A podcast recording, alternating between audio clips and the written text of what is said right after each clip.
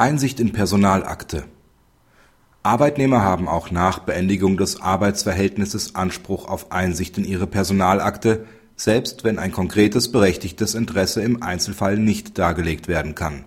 Rechtsprechungsänderung Zwischen den Parteien besteht zwischen 2007 und 2009 ein Arbeitsverhältnis. Nach dessen Beendigung korrespondiert der Arbeitnehmer mit der Personalabteilung hinsichtlich der Ausstellung seines Zeugnisses in diesem Zusammenhang äußert eine Personalreferentin, dass man Schwierigkeiten mit der vom Arbeitnehmer gewünschten Benotung habe, da sich aus den Zwischenbeurteilungen ergebe, dass sich der Arbeitnehmer gegenüber dem Unternehmen illoyal verhalten habe. Der Zeugnisstreit ist inzwischen beigelegt. Der Arbeitnehmer fordert den Arbeitgeber dennoch zur Einsicht in seine Personalakte auf, da er auch nach der Beendigung des Arbeitsverhältnisses ein generelles Interesse daran habe, dass keine unrichtigen Behauptungen, nämlich die Illoyalität über ihn dokumentiert blieben. Als der Arbeitgeber ablehnt, verlangt der Arbeitnehmer klageweise Einsichtnahme in und Herausgabe der Personalakte. Das BAG hält die Klage im Wesentlichen für begründet. Ein Anspruch auf Einsichtnahme in die Personalakte folgt zwar weder aus § 83 Betriebsverfassungsgesetz noch aus den Bestimmungen des Bundesdatenschutzgesetzes.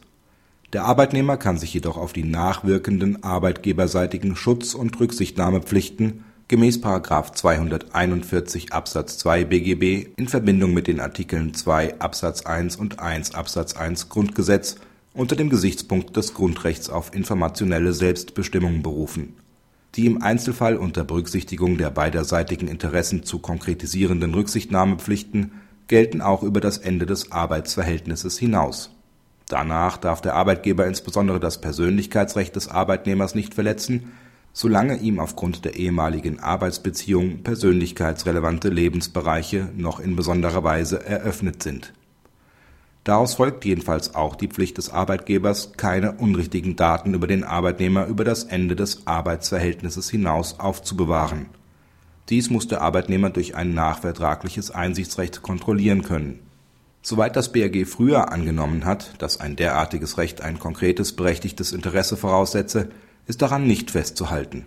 Indem der Arbeitgeber die Personalakte über das Ende des Arbeitsverhältnisses hinaus aufbewahrt, besteht für den Arbeitnehmer die potenzielle Gefährdungslage der Verwendung unrichtiger Daten fort. Das gilt insbesondere für mögliche Auskünfte des Arbeitgebers gegenüber Dritten. Das Personalaktenrecht unterliegt schon seit jeher den Erfordernissen der Kontinuität, Vollständigkeit und Wahrheit der Arbeitgeber ist deshalb nicht befugt, Unterlagen oder Daten über einen Arbeitnehmer zu sammeln, die seiner Einsichtnahme entzogen sind und deren Richtigkeit er nicht überprüfen kann. Der dem Arbeitsvertrag nachwirkende Schutz des Persönlichkeitsrechts findet auch in den § 32 Absatz 1 Absatz 2 und 3 Absatz 11 Nummer 7 Bundesdatenschutzgesetz ein hinreichend normiertes, berechtigtes Interesse, sich über den personenbezogenen Datenbestand zu informieren der Beschäftigtendatenschutz endet grundsätzlich nicht mit dem Beschäftigungsende. Ein Anspruch auf Herausgabe der Personalakte vermittelt § 241 Absatz 2 BGB dagegen nicht. Kritik Es ist unverständlich, warum das BAG in der vorliegenden Entscheidung von seiner früheren Rechtsprechung abrückt. Indem das Erfordernis eines berechtigten Interesses für die Akteneinsicht aufgegeben wird, erhalten streitsüchtige Arbeitnehmer ein effektives Mittel um nach der Beendigung eines Arbeitsverhältnisses nach möglichen Themen für weitere Auseinandersetzungen mit dem Arbeitgeber zu suchen.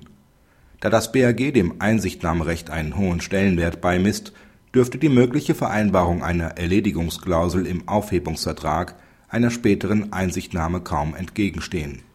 Arbeitgeber dürften der Geltendmachung entsprechender Rechte somit mehr oder weniger schutzlos ausgeliefert sein einen derart weitgehenden Schutz erfordert das Persönlichkeitsrecht nicht